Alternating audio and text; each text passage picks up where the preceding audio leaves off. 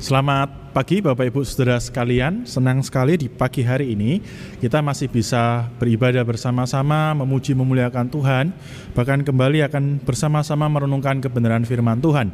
Sebelum kita merenungkan kebenaran firman Tuhan, mari kita bersama-sama berdoa, kita mohon anugerah dan juga pertolongan Tuhan bagi setiap kita. Mari kita berdoa. Bapak di surga kami bersyukur untuk pagi yang Tuhan berikan kepada kami, waktu kami boleh kembali memuji, menyembah Engkau. Sebentar kami akan bersama-sama merenungkan kebenaran firman-Mu, tolong setiap kami Tuhan di dalam perenungan ini. Setiap anak-anakmu yang mendengar di mana pun mereka berada, Tuhan tolong mereka. Tuhan berikan telinga yang siap mendengar, bahkan hati dan hidup yang siap diubahkan. Hambamu Tuhan tahu segala kelemahan dan kekurangannya, namun kami berdoa supaya keterbatasan hambamu tidak menghalangi engkau bekerja menjumpai setiap kami secara pribadi. Menyerahkan waktu perenungan firman ini ke dalam tanganmu, pimpin dan tolong setiap kami, kiranya Tuhan dipermuliakan dan disenangkan di tengah-tengah pemberitaan firman ini. Terpuji namamu ya Bapa, dengar doa kami, di dalam nama Tuhan Yesus kami berdoa. Amin. Bapak Ibu Saudara sekalian, perenungan kita pada pagi hari ini terambil dari Yohanes pasal yang ketiga, ayat yang ke-16. Yohanes pasal yang ketiga, ayat yang ke-16. Sebuah ayat yang saya yakin sudah tidak asing buat setiap kita. Yohanes 3 ayat yang ke-16, begini bunyi firman Tuhan. Karena begitu besar kasih Allah akan dunia ini, sehingga ia telah mengaruniakan anaknya yang tunggal supaya setiap orang yang percaya kepadanya tidak binasa melainkan beroleh hidup yang kekal. Amin. Bapak Ibu Saudara sekalian, sewaktu saya kecil ada dua momen yang sangat saya sukai begitu ya. Jadi ketika dua momen ini, dua peristiwa ini mendekat begitu ya. Saya yang tiba-tiba yang biasanya itu susah bangun pagi, susah mandi, tiba-tiba otomatis itu bisa bangun pagi begitu ya. Bahkan tanpa perlu diperintah oleh siapa pun saya langsung mandi, saya langsung mempersiapkan diri saya sebaik dan seganteng mungkin gitu ya. Nah, dua momen yang paling saya sukai waktu saya kecil itu yang pertama Natal. Yang kedua itu Imlek, meskipun semakin besar, entah kenapa sensasinya sudah berbeda begitu ya. Apalagi kalau mengingat anak saya cuma satu, ponaan saya ada 12, jadi mengingat waduh tahun ini bakalan tombok lagi begitu ya. Itu rasanya jadi gemeter begitu ya. Tapi waktu kecil saya suka dengan Natal dan Imlek. Nah Bapak Ibu ketika saya coba merenungkan kenapa saya suka dengan kedua peristiwa ini, ternyata jawabannya sederhana. Karena saya suka dengan hadiah. Waktu Natal saya akan bangun pagi-pagi, saya pergi ke gereja, kemudian pulang dari gereja saya akan mendapatkan hadiah kesetiaan setelah satu tahun beribadah. Nah sedangkan Imlek ya kita semua tahu itu hari pendapatan pendapatan nasional begitu ya untuk anak-anak muda. Saya akan bangun, saya kemudian dapat angpau dan angpau yang saya dapat itu bisa saya gunakan untuk hal-hal yang lain. Nah Bapak Ibu bicara soal hadiah, saya yakin kita semua suka dengan hadiah. Saya yakin kita semua suka dengan hadiah, kecuali hadiahnya memang sesuatu yang tidak baik. Tapi ketika itu sesuatu yang baik, harus kita akui kita suka dengan hadiah. Meskipun Tuhan Yesus mengatakan bahwa terlebih berkat memberi daripada menerima, tetapi dalam kenyataannya kita lebih suka diberi daripada memberi. Kita suka menerima daripada memberi. Kita suka mendapatkan hadiah. Itu sebabnya juga kenapa sekarang kita rajin ikut giveaway di Instagram begitu ya. Karena kita suka dengan hadiah Bapak Ibu. Nah, bicara soal hadiah Bapak Ibu, sadarkah kita bahwa ternyata Tuhan itu sudah memberikan berbagai macam hadiah kepada kita. Dari berbagai macam hadiah yang Tuhan berikan kepada kita, para teolog itu menggolongkannya ke dalam dua jenis. Nah, yang pertama hadiah yang Tuhan berikan kepada manusia, kepada dunia, itu adalah hadiah umum. Maksudnya apa? Maksudnya begini Bapak Ibu. Hadiah ini diberikan Tuhan kepada semua orang, tidak peduli siapa orang itu. Entah orang itu orang baik, orang jahat, orang tua, orang muda, orang kaya, orang miskin. Bahkan hadiah ini diberikan tidak peduli apakah orang itu seorang anak Tuhan atau bukan. Contoh dari hadiah umum ini Bapak Ibu, misalnya udara. Anda tidak perlu jadi orang kaya atau jadi orang pintar supaya Anda itu bisa bernafas. Anda bisa menghirup udara yang Tuhan berikan kepada kita. Tidak, semua orang menikmati udara yang dari Tuhan. Misalnya lagi hujan. Anda tidak harus punya surat kelakuan baik dari polisi begitu ya. Jadi hujan waktu datang kan nggak tanya dulu begitu ya. Apakah kita punya surat kelakuan baik baru kita dapat hujan? Tidak. Anda mau orang baik, Anda mau orang jahat, ketika hujan terjadi semuanya sama-sama basah. Contohnya lagi misalnya sinar matahari. Diberikan tidak peduli apakah Anda ini anak Tuhan atau bukan. Mau Anda anak Tuhan, mau Anda bukan anak Tuhan, Anda akan menerima sinar matahari yang sama. Saya bahkan tidak bisa membayangkan kalau seandainya Tuhan itu memberikan sinar matahari hanya bagi orang-orang Kristen begitu ya. Saya rasa rumahnya orang Kristen akan penuh dengan jemuran. Karena tetangga kiri kanannya kan tidak dapat sinar matahari begitu ya. Jadi mereka nunut jemur sama kita. Tapi dalam kenyataannya tidak seperti itu Bapak Ibu. Mau Anda anak Tuhan ataupun bukan, sama-sama menerima sinar matahari yang sama, hujan yang sama, dan juga udara yang sama. Ini hadiah yang bersifat umum. Nah Bapak Ibu hadiah yang bersifat umum ini, hadiah umum ini memang dalam beberapa kasus itu bersifat lebih terbatas dalam pengertian begini. Tidak semua orang mendapatkannya, tetapi meski demikian ini masih termasuk bagian hadiah umum yang Allah berikan kepada manusia. Contohnya itu misalnya begini Bapak Ibu, kekayaan, kecerdasan, wajah yang cantik atau ganteng begitu ya. Kemudian umur panjang. Hal-hal ini memang tidak bisa dinikmati semua orang. Tetapi hal-hal ini Bapak Ibu masih masuk bagian dari hadiah umum yang Allah berikan kepada manusia. Nah, apa yang mau saya coba tegaskan di sini begini Bapak Ibu. Hadiah umum tidak membuat pembedaan di antara kita. Hadiah umum tidak membuat Anda lebih baik dari orang lain anda yang kaya bukan berarti Anda ini lebih baik dari orang yang tidak kaya. Anda yang pinter bukan berarti Anda ini manusia kelas 1, kemudian yang kurang pinter itu manusia kelas 2. Enggak, enggak, bukan seperti itu. Hadiah umum tidak membuat pembedaan di antara kita. Nah ini hadiah pertama yang Tuhan berikan kepada manusia. Nah selain hadiah umum Bapak Ibu ada hadiah kedua yang Tuhan berikan kepada manusia, hadiah yang bersifat khusus. Hadiah ini Bapak Ibu memang ditawarkan kepada semua orang, tetapi dalam kenyataannya hanya akan dinikmati oleh anak-anak Allah, oleh umat Allah. Hadiah ini adalah hadiah yang paling mahal, hadiah yang paling besar, hadiah yang paling istimewa yang Allah berikan kepada manusia, kepada dunia. Dan hadiah ini Bapak Ibu adalah Kristus putranya sendiri. Pertanyaannya kenapa kok Yesus disebut sebagai hadiah Allah yang khusus, hadiah Allah yang spesial? Bapak Ibu, teks yang kita baca tadi Yohanes 3 ayat yang ke-16 memberikan dua alasan kepada kita. Kenapa Yesus disebut sebagai hadiah Allah yang spesial? Alasan yang pertama begini Bapak Ibu, Yesus disebut sebagai hadiah Allah yang spesial karena Yesus ini adalah milik Allah yang spesial. Jadi kenapa Yesus itu disebut sebagai hadiah yang spesial? Ya karena dia itu miliknya Allah yang spesial. Dia itu sendiri adalah kepunyaan Allah yang spesial. Bapak Ibu, kalau Bapak Ibu baca di ayat yang ke-16 dan yang ke-18, di sana ternyata Tuhan Yesus disebut begini, anak tunggal Bapa, anak tunggal Allah. Kalau Bapak Ibu bandingkan dengan terjemahan bahasa Inggris, bahasa Inggris, Bapak Ibu akan menemukan ide yang sama. Hampir semua terjemahan menerjemahkannya begini, bahwa Yesus ini adalah one and only son. Jadi anak yang tunggal dan satu-satunya dari Allah. Nah, tapi Bapak Ibu, menurut saya, menurut saya terjemahan tunggal di sini tidak terlalu tepat. Hampir semua sarjana perjanjian baru sekarang merasa bahwa terjemahan tunggal itu bukan terjemahan yang tepat. Nah, kata Yunani yang digunakan di sini Bapak Ibu, kata Yunani yang digunakan itu monogenes, diingat saja tapi tidak perlu dihafal begitu ya. Didengar saja tidak perlu dihafal. Kata Yunani yang digunakan itu Bapak Ibu memang bisa berarti tunggal. Kalau Bapak Ibu membaca di dalam perjanjian lama yang berbahasa Yunani yang disebut sebagai Septuaginta, memang kata ini, kata monogenes itu banyak dipakai dalam arti begini, tunggal, satu-satunya gitu ya, tidak ada yang lain. Tetapi Bapak Ibu ternyata kata ini juga digunakan di dalam banyak bagian yang lain, itu berarti unik atau spesial atau istimewa. Contoh yang paling jelas itu di dalam Ibrani pasal yang ke-11. Di sana itu Ishak disebut sebagai monogenisnya Abraham. Nah, jelas di sana Ishak itu tidak mungkin berarti anak tunggalnya Abraham. Tidak mungkin. Kenapa?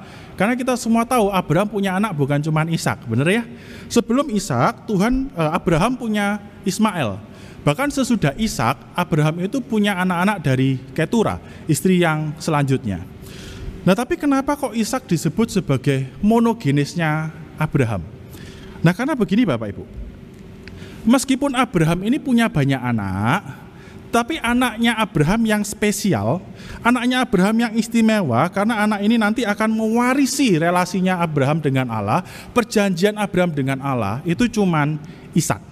Jadi Ishak itu anak yang istimewa, anak yang unik dari Abraham. Nah, menurut saya Bapak Ibu, kata monogenis di sini lebih tepat diterjemahkan itu bukan tunggal, tetapi unik atau istimewa. Nah, ini lebih sesuai dengan teologinya Injil Yohanes dan juga surat Yohanes. Bapak Ibu, kalau kita membaca di dalam Injil Yohanes dan juga surat Yohanes, kita akan menemukan begini, bahwa ternyata anaknya Allah itu bukan cuma Yesus. Ternyata anaknya Allah bukan cuma Yesus. Kita semua itu juga disebut sebagai anak-anak Allah, Bapak Ibu. Misalnya begini, di dalam Yohanes pasal yang pertama, di sana itu Yohanes katakan begini, mereka yang menerimanya diberinya kuasa menjadi anak-anak Allah. Berarti kan begini, kita ini juga anak Allah. Anaknya Allah bukan cuma Yesus. Tetapi Yohanes juga membedakan begini. Kita dan Yesus anak Allah dalam pengertian yang berbeda. Kalau di dalam bahasa Inggris itu kelihatan bedanya. Kita ini Bapak Ibu adalah children of God. Tetapi hanya Yesus yang disebut sebagai son of God. Melalui pembedaan ini Yohanes mau menunjukkan begini. Allah memang punya banyak anak. Tetapi anak Allah yang paling istimewa, anak Allah yang paling disayang, yang paling berharga, yang paling spesial itu cuma satu, yaitu Yesus. Jadi kenapa Yesus disebut sebagai hadiah Allah yang istimewa? Karena Yesus itu sendiri Bapak Ibu adalah hadiah Allah milik Allah yang spesial, yang istimewa. Alasan yang kedua Bapak Ibu, kenapa kok Yesus disebut sebagai hadiah Allah yang istimewa, hadiah Allah yang spesial? Alasannya begini. Karena ternyata melalui Yesus Bapak Ibu, Allah itu memberikan jalan keselamatan kepada kita. Melalui Yesus, Allah itu memberikan jalan keselamatan kepada kita. Bapak Ibu, kalau Anda membaca di dalam tulisan Yohanes, Anda akan menemukan begini. Kata dunia itu kebanyakan dipakai dalam dua pengertian. Yang pertama itu bisa dalam arti netral, tidak baik, tapi juga tidak jahat, netral begitu ya. Tetapi Bapak Ibu, kebanyakan kata dunia di dalam tulisan Yohanes digunakan itu justru dalam pengertian negatif. Dalam pengertian negatif. Contohnya misalnya begini, Yohanes pasal yang pertama ayat yang ke-10 di sana dikatakan bahwa firman datang ke dalam dunia tetapi dunia tidak mengenal Allah. Digambarkan negatif. Dunianya tidak mengenal Allah, tidak mengenal firman. Kemudian di Yohanes pasal 1 ayat yang ke-29 dikatakan begini. Ketika Yohanes melihat Tuhan Yesus, Yohanes katakan begini. Inilah anak domba Allah yang menghapus dosa dunia. Berarti dunianya berdosa. Karena dosa dunia. Berarti kan dunianya berdosa begitu ya. Kemudian di Yohanes pasal yang ketiga yang ke-19. Di sana dikatakan bahwa dunia ini lebih menyukai gelap daripada terang. Kemudian lagi di Yohanes pasal yang ketujuh, dunia ini membenci Yesus Bapak Ibu karena perbuatannya dunia ini jahat. Nah karena dunia ditampilkan secara negatif, tidak heran di satu Yohanes, Yohanes katakan begini, jangan sampai kita itu mencintai dunia kita tidak boleh mencintai dunia. Nah Bapak Ibu, karena dunia ini digambarkan secara negatif, cenderung secara negatif di dalam tulisan Yohanes, maka konsekuensinya begini. Dunia yang negatif terhadap Allah, yang tidak mengenal Allah, yang memberontak terhadap Allah, maka dunia ini ada di bawah bayang-bayang murka Allah. Dengan kata lain begini Bapak Ibu, sebenarnya keadaan atau nasib akhir dari dunia itu sudah jelas, cuman satu, yaitu kebinasaan. Kabar buruknya Bapak Ibu, Anda dan saya itu termasuk bagian dari dunia. Anda dan saya termasuk bagian dari dunia yang memberontak terhadap Allah, yang tidak mengenal Allah, bahkan membenci Yesus putra Allah.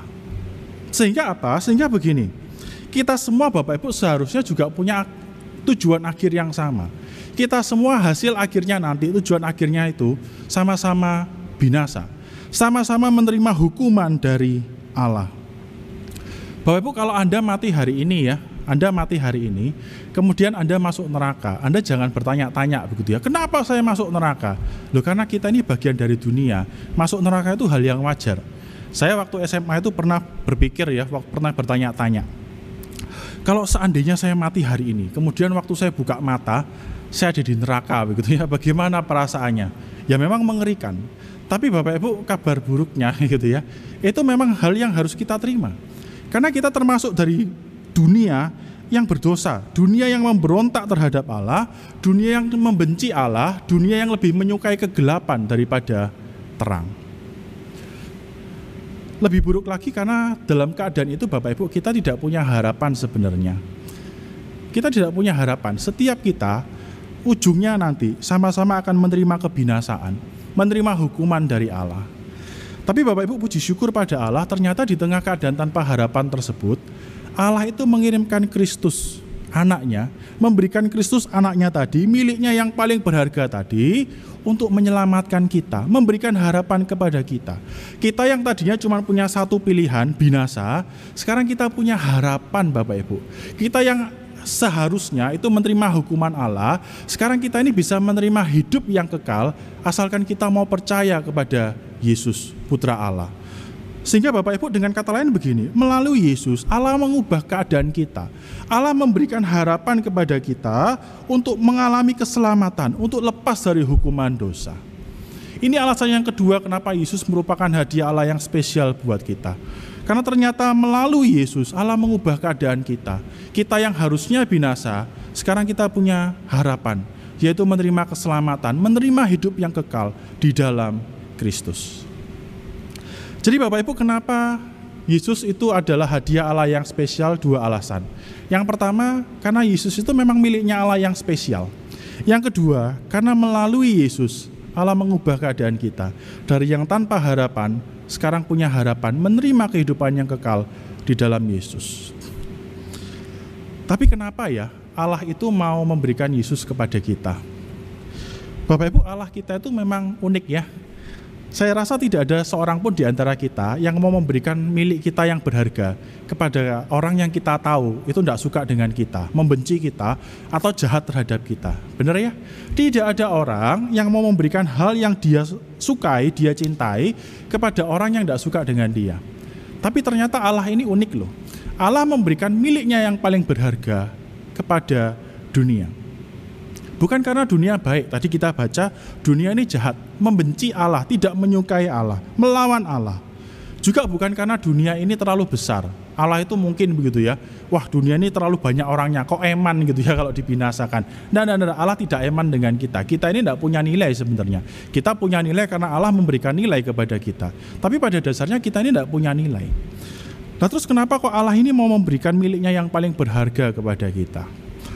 Yohanes memberikan jawaban yang sangat sederhana. Jawabannya begini. Karena begitu besar kasih Allah pada dunia. Bapak Ibu, seolah Yohanes mau mengatakan begini loh. Yesus ini bukti bahwa Allah sungguh-sungguh mengasihi dunia. Bapak Ibu, kalau tidak ada Yesus, kita tidak bisa bilang Allah itu mengasihi kita loh. Justru karena ada Yesus, maka kita tuh bisa dengan yakin bilang begini, ya Allah sungguh mengasihi aku. Soalnya Yohanes mau katakan begini Bapak Ibu, Yesus ini adalah bukti ketika Allah mengatakan kepada kita, aku mengasihi kamu, Allah tidak main-main. Allah sungguh-sungguh mengasihi kita dan dia sudah membuktikannya ketika dia memberikan miliknya yang paling berharga untuk menyelamatkan kita. Allah mau memberikan miliknya yang paling berharga karena dia mau tunjukkan kepada Anda dan saya bahwa kasihnya kepada kita itu bukan kasih abal-abal, tapi kasih yang benar-benar, kasih yang sungguh-sungguh. Bapak Ibu, bagian ini perlu kita ingat baik-baik, khususnya ketika kita mengalami masa-masa yang sulit. Di dalam masa-masa yang sulit ini terlebih Bapak Ibu, saya rasa bagian ini sangat relevan mengingatkan kita semua Bapak Ibu, saya sangat tahu bahwa pergumulan hidup yang berat, pergumulan hidup yang tidak mudah, sering kali itu akan membuat kita kecewa, marah kepada Tuhan. Bahkan sering kali kita mempertanyakan kasih Allah kepada kita. Dalam pengalaman saya Bapak Ibu ada banyak orang meninggalkan Tuhan bukan karena kekurangan bukti Tuhan itu ada. No. Ada banyak orang itu menjadi ateis, saya pernah jadi ateis, bukan karena kekurangan bukti bahwa Tuhan ada, tapi karena Bapak Ibu pengalamannya dengan Tuhan dalam tanda kutip itu terlalu pahit. Saya bisa paham, saya bisa paham. Ada banyak orang meninggalkan Tuhan bukan karena kurang bukti, tapi karena mereka merasa pengalaman bersama dengan Tuhan terlalu pahit.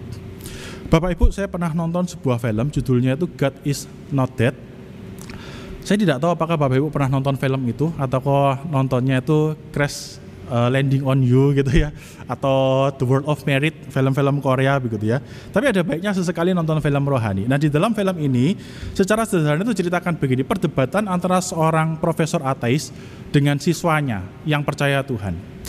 Nah, profesor ini bukan hanya ateis ternyata, tapi dia antiteis.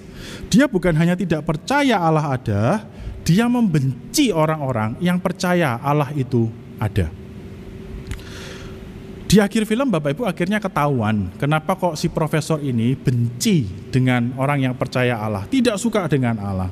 Ternyata karena pengalamannya semasa kecil. Waktu dia kecil mamanya itu difonis kena kanker, dia berdoa sama Tuhan, Tuhan sembuhkan mama, Tuhan sembuhkan mama. Kalau Tuhan sembuhkan mama, aku akan jadi hamba Tuhan. Dia terus memohon. Tapi ternyata Tuhan tidak sembuhkan mamanya. Tuhan ambil mamanya. Dia marah sama Tuhan. Karena dia merasa ketika saya masih membutuhkan Tuhan, membutuhkan mama saya, ternyata Tuhan ambil mamanya dari dia. Dia merasa Tuhan terlalu jahat. Dan dia jadi benci dengan Tuhan. Bapak Ibu pengalaman seperti ini bukan pengalaman yang terisolir. Dalam pengalaman saya ter, tadi yang saya katakan, ada banyak orang yang karena pengalaman hidup akhirnya jadi kecewa, marah, bahkan meninggalkan Tuhan. Ada satu jemaat yang pernah saya layani Bapak Ibu dalam waktu dua tahun, dalam waktu dua tahun, dia tuh mengalami delapan musibah. Bayangkan dua tahun delapan musibah, mulai dari anaknya meninggal, kemudian rumahnya dan tokonya kebakaran, sampai anak nah yang lain itu hampir meninggal dan sebagainya. Jadi saya hitung-hitung dalam waktu dua tahun dia mengalami delapan musibah.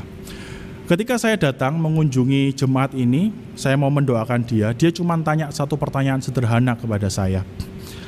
Saya salah apa sama Tuhan? Kenapa kok Tuhan berbuat jahat kepada saya? Bapak Ibu sekali lagi saya tahu pergumulan hidup yang berat sering kali akan membuat kita marah, kecewa, bahkan rasanya ingin meninggalkan Tuhan.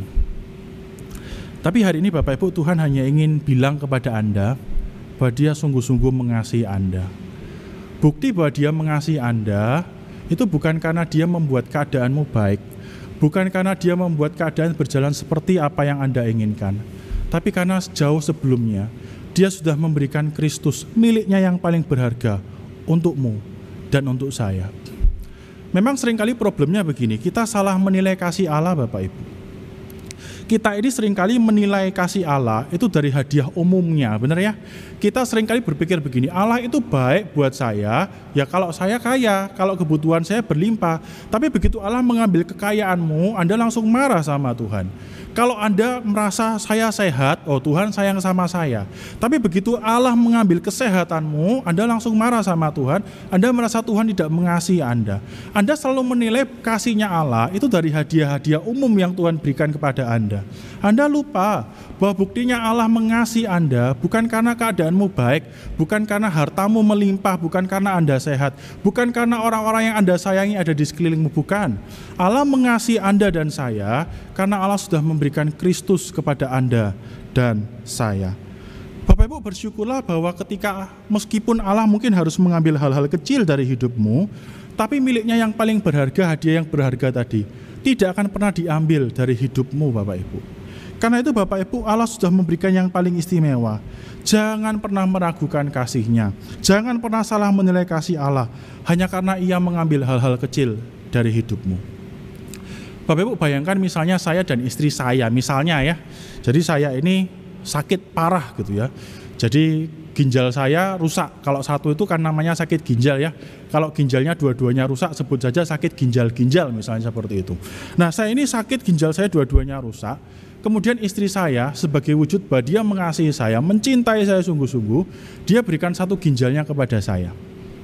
istri saya memberikan ginjalnya kepada saya. Nah, setelah itu misalnya begini, Bapak Ibu lihat saya jalan dengan istri saya, kemudian saya itu minta dibelikan es krim sama istri saya, begitu ya. Istri saya menolak membelikan es krim buat saya. Terus ternyata ketika saya ditolak tidak dibelikan es krim, saya marah sama istri saya. Kamu ini perempuan tidak tahu diri gitu ya. Kamu memang tidak pernah mencintai saya. Nah Bapak Ibu bayangkan, misalnya Bapak Ibu lihat orang kayak saya tadi ya, istrinya ini sudah kasih ginjalnya ya kan, cuman gara-gara es krim dia marah-marah sama istrinya. Kalau Bapak Ibu lihat orang kayak saya tadi gitu ya, marah-marah gitu, enaknya diapain? Selain dibelikan es krim, enaknya diapain ya? Enaknya kan disalib ya. Ini orang tidak tahu diri, istrinya tuh sudah kasih ginjalnya, cuman gara-gara es krim marah-marah sama istrinya. Nah tapi sayangnya kita juga sering bertindak kayak gitu kok ya Allah sudah kasih yang paling mahal, sudah kasih Kristus putranya. Terus ketika Allah mengambil bagian-bagian kecil dari hidupmu, Anda langsung marah sama Tuhan. Tuhan tidak pernah sayang sama saya. Bukankah kita sama-sama konyolnya? Bapak Ibu ingat baik-baik bukti Allah mengasihimu dan saya bukan keadaanmu yang baik, bukan hartamu yang banyak, bukan tabunganmu, bukan kesehatanmu, tapi Kristus anaknya.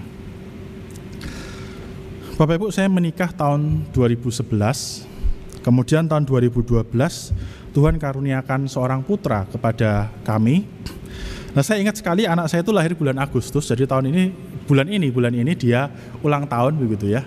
Nah saya ingat waktu itu gini Waktu anak saya lahir dia tidak bisa langsung dibawa pulang seperti biasa Harus dirawat untuk beberapa hari di rumah sakit. Sampai akhirnya waktu itu saya ingat gini Tanggal 26 Agustus tahun 2012 saya baru selesai pelayanan di Gloria Galaxy, habis khotbah di pemuda remaja, saya ditelepon oleh istri saya bahwa anak saya itu bisa dijemput, dibawa pulang dari rumah sakit. Nah waktu itu Bapak Ibu saya senang sekali, saya cepat-cepat pulang dari gereja, dari pelayanan, saya langsung jemput anak saya di rumah sakit. Bapak Ibu waktu itu saya benar-benar merasa sebuah sukacita yang sangat besar. Apalagi begini, waktu saya jemput anak saya keluar dari rumah sakit, anak saya itu dalam gendongan saya. Dia tertidur, tapi tiba-tiba waktu dia saya gendong dalam kondisi tidur, dia itu tersenyum sama saya. Bapak Ibu bisa bayangkan ya, Bapak Ibu yang pertama kali punya anak pasti tahu rasanya gimana. Saya waktu itu benar-benar merasa begini, Tuhan ini seperti mengangkat saya ke awan-awan, ke surga gitu ya. Saya sampai berdoa, Tuhan terima kasih untuk mainan yang Tuhan berikan kepada saya gitu ya. Maksudnya anak saya, karena kan lucu gitu ya. Nah, tapi Bapak Ibu ternyata kebahagiaan saya waktu itu ya, cuman bertahan dua hari Hari Selasa ketika saya membawa anak saya ke dokter untuk melihat hasil pemeriksaannya dia, ternyata anak saya difonis punya masalah enzim. Ada satu enzim namanya itu G6PD, G6PD. Anak saya itu kurang, defisiensi. Sehingga begini Bapak Ibu, sel darah merahnya anak saya itu jadi lebih mudah pecah. Kalau misalnya pecahnya itu masih ringan, anak saya itu akan mengalami anemia. Dia itu bisa mengalami lemes begitu ya.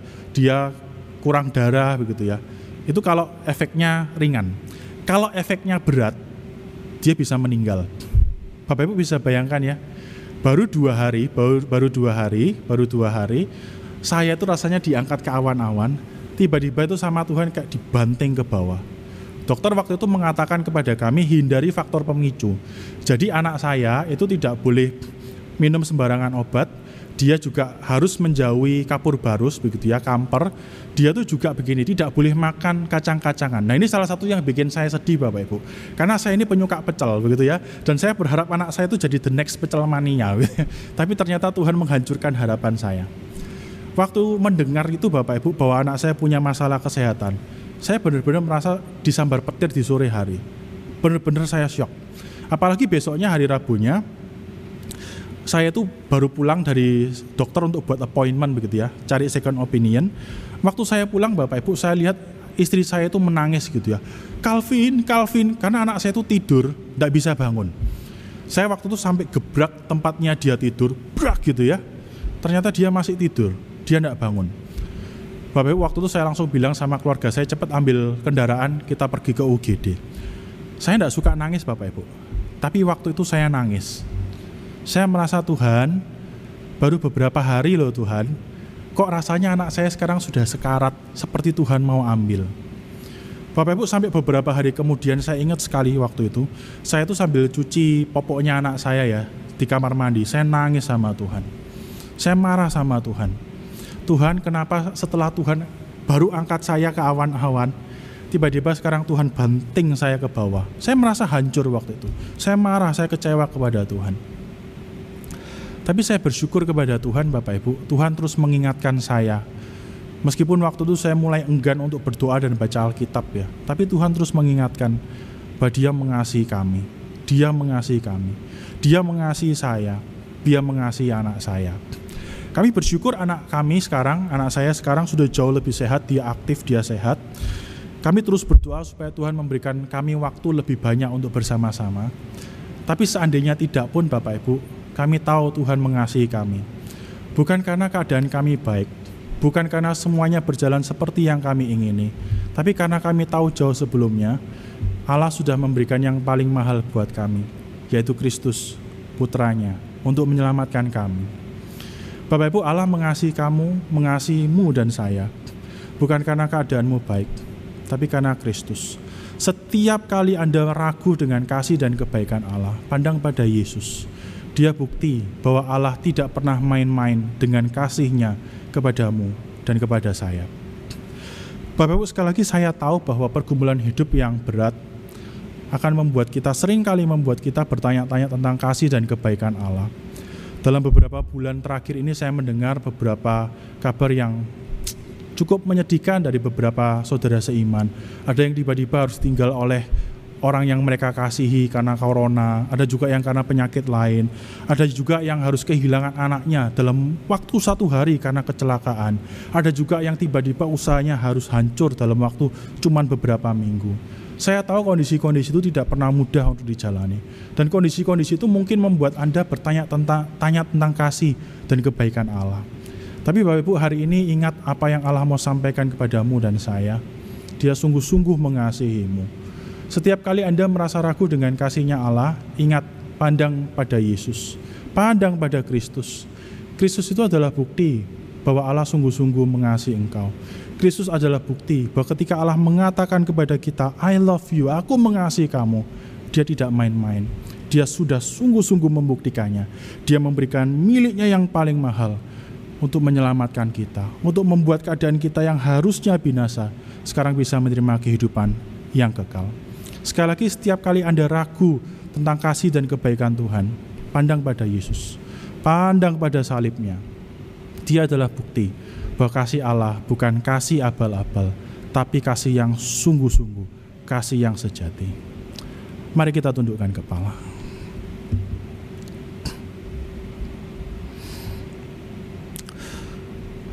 Bapak di surga, hambamu berhenti berbicara, tapi kiranya engkau terus bekerja, menjumpai setiap anak-anakmu secara pribadi, khususnya mereka yang mungkin hari ini sedang bergumul dengan kehidupan mereka mereka yang mungkin harus mengalami kepedihan atau kesakitan. Hamba berdoa supaya engkau engkau hadir dalam kehidupan mereka, menolong menguatkan mereka, dan mengingatkan mereka sungguh-sungguh bahwa engkau sungguh-sungguh mengasihi mereka. Meskipun kondisi yang mereka alami tidak mudah untuk dijalani, tapi kiranya kasihmu Tuhan boleh menjadi kekuatan bagi setiap anak-anakmu yang sedang bergumul dengan kehidupan mereka. Kami sadar kami lemah, kami butuh anugerah dan kekuatan. Terpuji namamu Bapa, dengar doa kami. Di dalam nama Tuhan Yesus kami berdoa. Amin. Tuhan memberkati.